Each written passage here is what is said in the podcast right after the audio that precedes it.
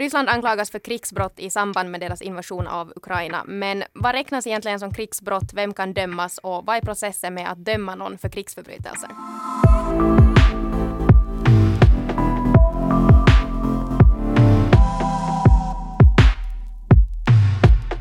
Ja, alltså Ryssland anklagas nu för att ha begått eh, sådana här krigsförbrytelser, alltså de grövsta brotten mot krigets lagar. Eh, fast det här klassiska dumma ordspråket säger att i krig och kärlek är allt tillåtet.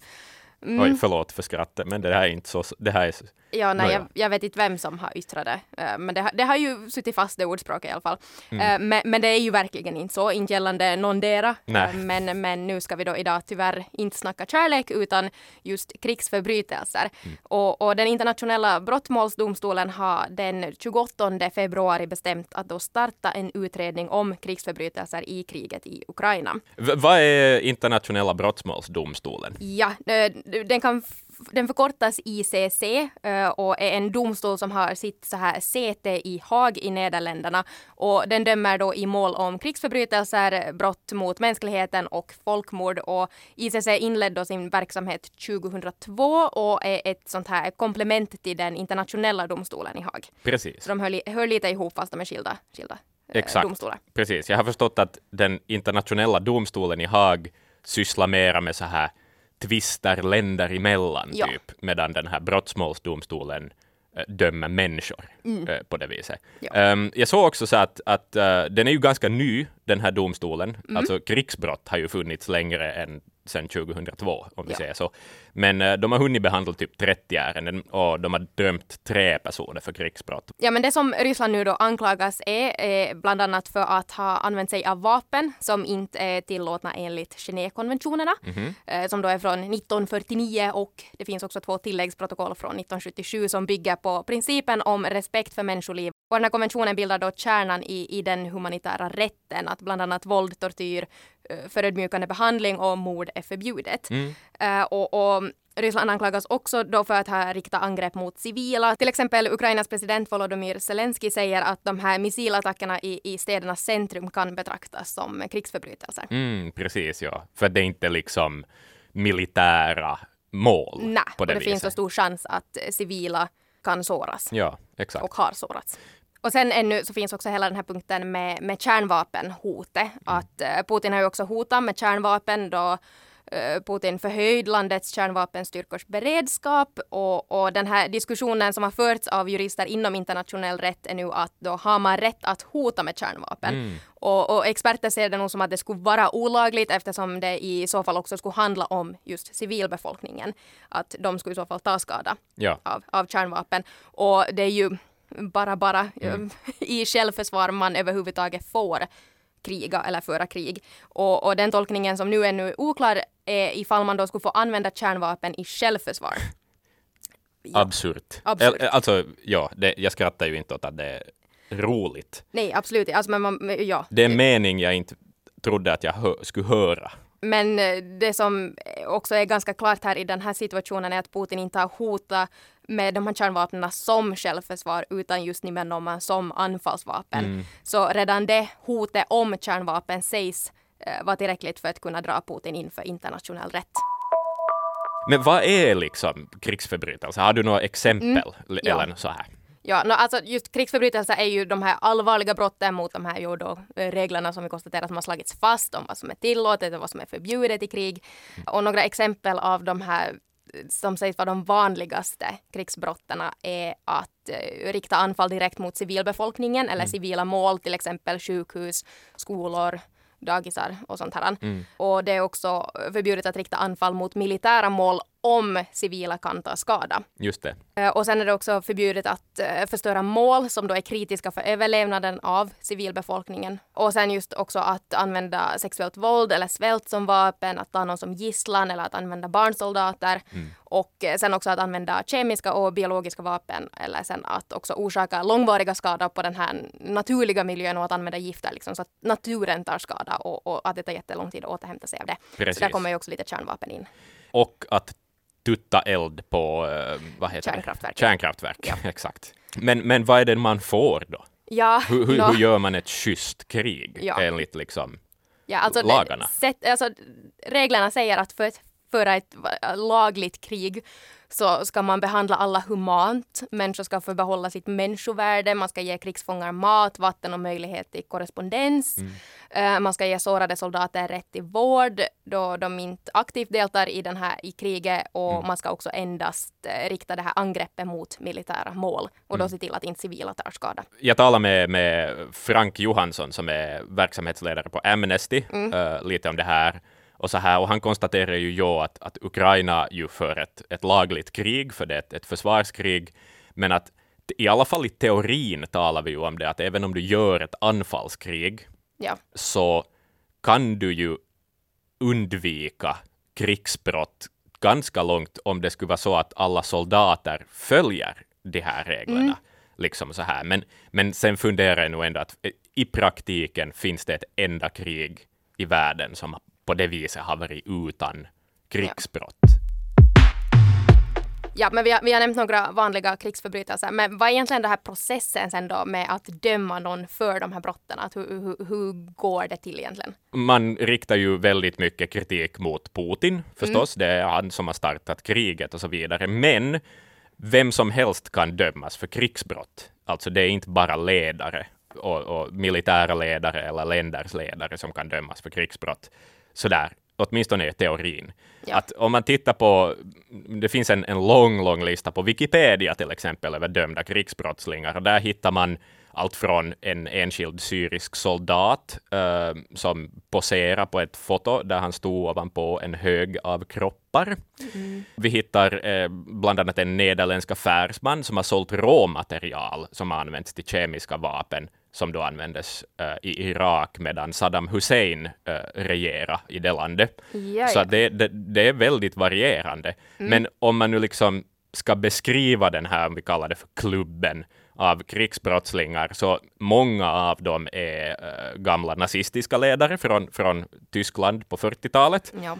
uh, och, och sådana här fångvakter och så vidare i koncentrationsläger. Där hittar vi också många som har varit involverade i, i folkmordet i Rwanda 1994. Uh, eh, och diverse ledare för den delen, uh, ledare och soldater i, i Bosnienkriget på 90-talet, där man också talar om uh, allt från folkmord, och, och det var ett, ett, väldigt, väldigt smutsigt krig. Men vi hittar också amerikanska soldater. Under början av kriget i Irak så, så gjordes det riktigt, riktigt äckliga saker. Man behandlade bland annat krigsfångar eh, fruktansvärt. Och vad gäller finska krigsförbrytare, så det verkar vara ett, ett väldigt känsligt ämne. Det, det är svårt att hitta liksom direkta mm. trovärdiga källor och så vidare på det, men åtminstone så, så verkar det finnas en vilja av att utreda hur finska soldater behandlar sovjetiska krigsfångar under fortsättningskriget. Det har också för den delen Ryssland krävt att Finland ska börja rota i. Ja, ja. Uh, och okay. så här. Så att där lär vi säkert lära oss någonting, åtminstone i framtiden.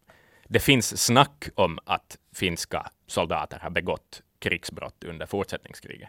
Men det, det som är intressant med de här krigsförbrytelserna, vi kommer in på det. Mm. Uh, vi har ju nämnt internationella brottmålsdomstolen i Haag, men de är ju inte de enda som dömer krigsbrottslingar, för ja. att principen är liksom den att man ska dömas i det land där du bor och lever, alternativt i det land där du har begått de här brotten.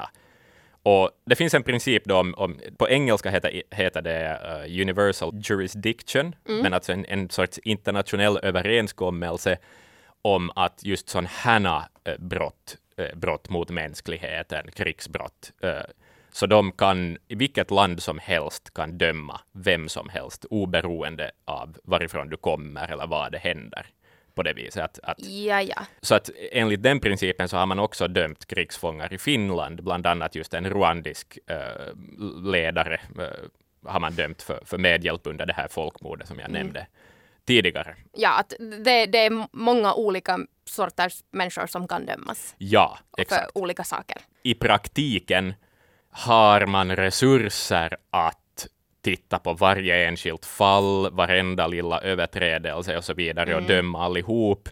Svar nej. Så att i alla fall då internationella brottmålsdomstolen i Haag har valt som deras prioritering är att hoppa så högt upp i liksom kommandokedjan som möjligt. Ja, ja, att man far tittar till på, ledningen, Man tittar till, på ledningen, så därför är det ju som Putin då, Mm. som, som nu misstänks, eh, ska sägas förstås. Ingen är, är dömd förrän en dom har fallit, Ja. men misstänks för krigsbrott. Ja. Okej, men vem är det då i princip så, som startar den här utredningen? Att ve- vem ser till att det går till en domstol? Eh, Men om vi tänker på internationella brottmålsdomstolen, ICC då, Mm. eh, så det är åklagarna från den, den domstolen som kan välja att inleda någon form av undersökning baserat förstås på någon sorts information. Eh, Ja. Den här informationen kan komma egentligen varifrån som helst och just nu så är det väldigt många parter som håller på och samlar bevis. För att hamna i ICC, att, att, liksom, att ärendet ska tas upp i internationella brottmålsdomstolen, det gäller liksom länder som har godkänt den internationella brottmålsdomstolen, så att säga. Att de, de är så här, det här är en nice domstol, den här kan vi lita på. Eh, rent sådär byråkratiskt så, så kallas det att man har ratifierat Romstadgan, heter det. Romstadgan är liksom papperna som är till grund för hela den här domstolen. Ja, och alltså att man har då undertecknat det. Man har Ja, undertecknat ja, det. Ja. yes. Det som är intressant här är att varken Ukraina eller Ryssland har undertecknat det här. Men Ukraina har liksom erkänt den här internationella brottmålsdomstolen som en domstol. Men, men Ryssland har inte gjort någondera. Eh. Så, här. så att de, de står egentligen utanför det.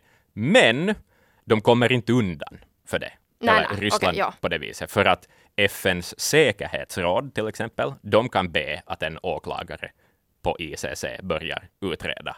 Mm. Fast ett land då inte, inte har ratifierat den här Ja, för det, för det känns ju lite underligt också att, sådär, att men vi har inte godkänt den här lagen så därför kan inte vi dömas för det. Nej. För det, liksom, det skulle ju fungera. Nej, det, skulle, det låter inte hållbart. Nej. Men det är ändå alltid å- en åklagare som ska bestämma om en utredning ska öppnas och om man ska åtala då den här personen som är misstänkt för krigsbrott. Ja. Även om en eh, ICC då har inlett någon sorts utredning så kan inte, ICC kan inte liksom gå in och gripa någon. Det är polisen i det landet där personen som är åtalad finns som ska gripa eh, den här människan. Helt enkelt. Ja, ja, så man ber i princip ett lands polisväsende då att gripa sin egen Sin- medborgare. Eller Ja, sin egen, exakt. ja. Precis. Och då förstås kan man ju börja fundera hur sannolikt är det att Putin skulle bli fast? Mm. Det ska också sägas att ICC, eh, internationella brottmålsdomstolen, som jag nämnde tidigare, de har dömt tre personer. Mm. Eh, så att principen är att man ska dömas i det land då, eh, där man har begått brott eller, eller i det land man lever. Ja. Så, att man kan se den här internationella brottmålsdomstolen som liksom är- det är ett sista, en sista valmöjlighet på det viset. Det, det är plan C, typ. Ja, ja, ja. Eh, så här, ja när det- ingenting det- annat görs liksom. Nej, det är ett, ett, ett skyddsnät. Sen, och där kan vi ju också fundera på det då att med tanke på den totalitära makt som Putin har fått över det ryska samhället, Mm. skulle man kunna göra en, genomföra en rättvis rättegång i Ryssland? Eller finns det Ja. en risk att domare och så här, att är de verkligen opartiska, etc. etc. Om nu man skulle få till en rättegång så lär det väl nog vara, det här är mina egna spekulationer, så här, men det lär ju vara i Haag det Ja. tas upp. Men det är åklagaren då som bestämmer om, om den här utredningen ska öppnas. Mm. eh, och mot vem, men, men vem är det egentligen som reder ut det här? Mm. Som jag sa tidigare så snackade jag med Frank Johansson på Amnesty. Mm. har berättat åt mig att, att eh, det är den internationella Röda korskommittén eh, som liksom har, hu, har det som huvudnacki, så att säga, Ja. att, att utreda krigsbrott. Men det är många andra som är involverade. Eh, bland annat då Amnesty. Amnesty har, har eh, diverse experter och, och, och intervjuar folk. Vi kommer in på exakt hur de här metoderna går till. Så det är jättemånga som håller på med de här utredningarna. Men det är ju ett stort samarbete i alla fall Det- mellan flera länder. Men det är också för att det är ett stort arbete. Det finns ju en massa olika metoder man använder sig av och det här materialet samlas in så snabbt som möjligt. Det har vi ju märkt också bara en snabb titt på sociala medier att det finns oändligt med, med material för tillfället gällande det här kriget. Ö, och- Videoklipp, foton, allting liksom. Mm. Jepp. Uh, och, och, man använder mycket olika just metoder. Man, till exempel dataexperter så använder man för att de ska kunna verifiera de här bilderna och videor på explosioner och förstörda hus och så vidare om, om när och var de är tagna. Det har ju också visat sig att det finns eh, många videoklipp som eh, surrar, snurrar runt för tillfället som är, är fake. Mm. Eller att de kommer från en helt annan situation för flera år sedan. Så man måste ju då också reda ut att, att vilka, vilka videor är faktiskt rätt, ja. att vilka hör till situationen. Sen använder man sig också av vapenexperter som då kan säga vad för typer av vapen eller, som har använts eller vem som då har skjutit. Mm. Eh, det finns också i, i de här lagarna kring krigsbrott eh, regler på vilka vapen man får använda. Mm.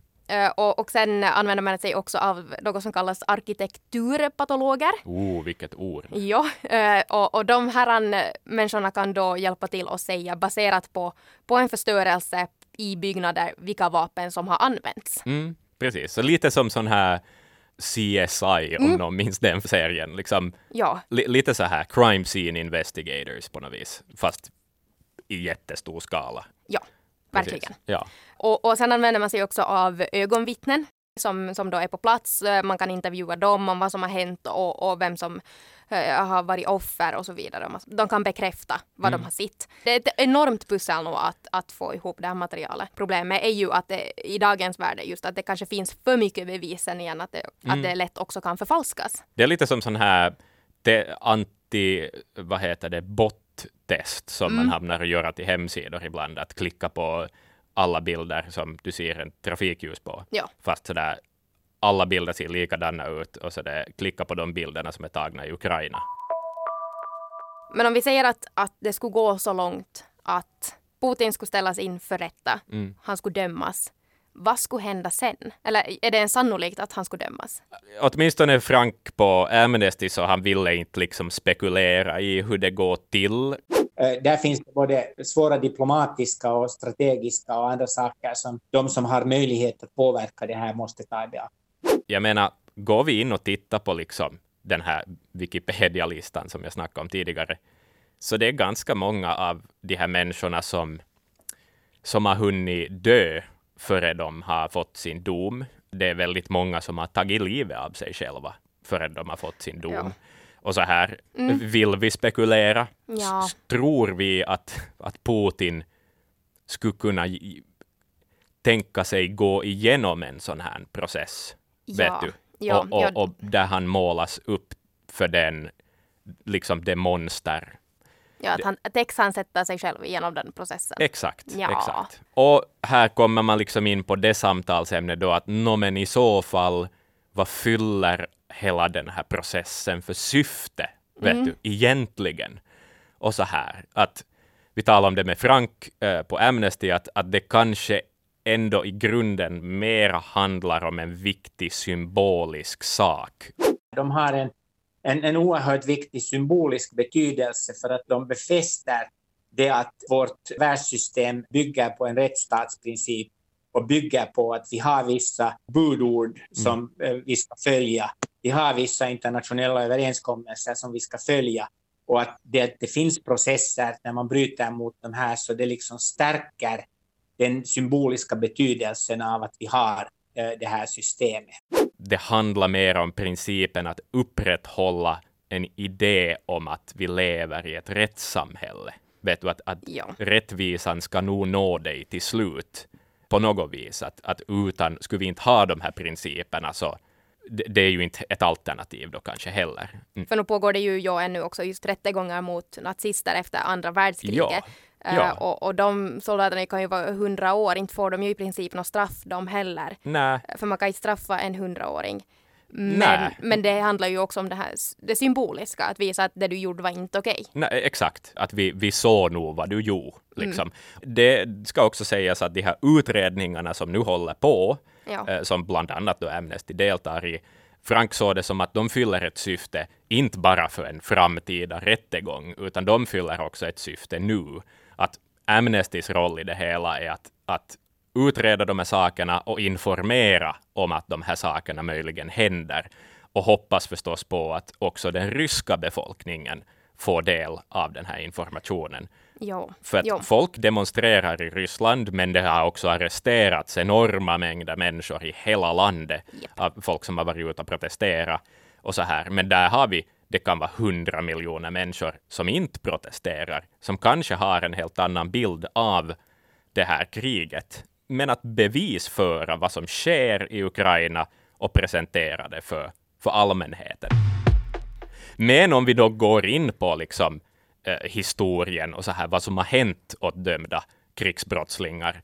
Eh, till exempel då det här Jugoslavienkriget, alltså då Jugoslavien föll, Bosnienkriget talar man också om. Mm. De ledarna dömdes till fängelse i en, en internationell liksom, rättegång. Ja. Men tar vi andra exempel, Saddam Hussein har vi varit inne på, här, nämnt här tidigare.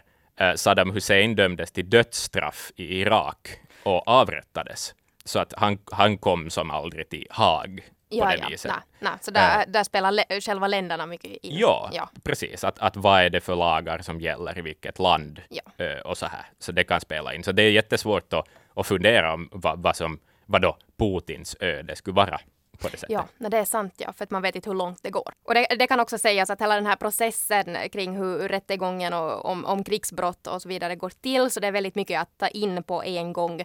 Eh, Så, så om man vill så kan man också gå in på vår Instagram under Yle Extrem Nyheter, så där finns ett inlägg som visar hur, hur den här processen går till. Ja, men det har ju också krigats i östra Ukraina sedan 2014, alltså i åtta år. Mm. Eh, Så, så varför är det först nu då som krigsförbrytelser ens kommer på tal? Mm. Enligt Frank på Amnesty så den här konflikten som började då 2014, så den eskalerar inte så vilt så att den kanske allas uppmärksamhet kanske inte riktigt riktades dit eh, på det viset att det kan vara en anledning. Men Amnesty har fört bevisföring över krigsbrott också då, eh, bland annat då de här ryska separatistgrupperna i Ukraina. Där finns det misstankar om krigsbrott, men också helt ukrainska eh, sådana löst militära grupper. Man brukar snacka om paramilitära grupper. Eh, så, här. så även riktat mot dem finns det liksom krigsbrottsmisstankar. Men en av de viktiga ingredienserna i den här soppan är ju också det att Ryssland ju aldrig erkände att de var in och potta i Ukraina. Det var de här, minns du, gröna gubbarna man Ja, talade om? ja. Att det var liksom anonyma soldater i soldatkläder, men ingenting om, inga flaggor, inga liksom, någonting syndes. Så att därför var det jättesvårt att anklaga också, för att det var ett som så slugt sätt att gå in i ett land. Men det kan de ju då i alla fall inte göra den här gången. Det här var veckans avsnitt av Fatta grejer med mig, Laura och Axel. Tack för att du lyssnar. Om du har kommentarer om avsnittet så får du jättegärna höra av dig till Axel. axel.brink.yle.fi. Yes, eller sen till mig på laura.tornros.yle.fi. Du hittar oss också på Instagram under namnet Yle Extrem Nyheter.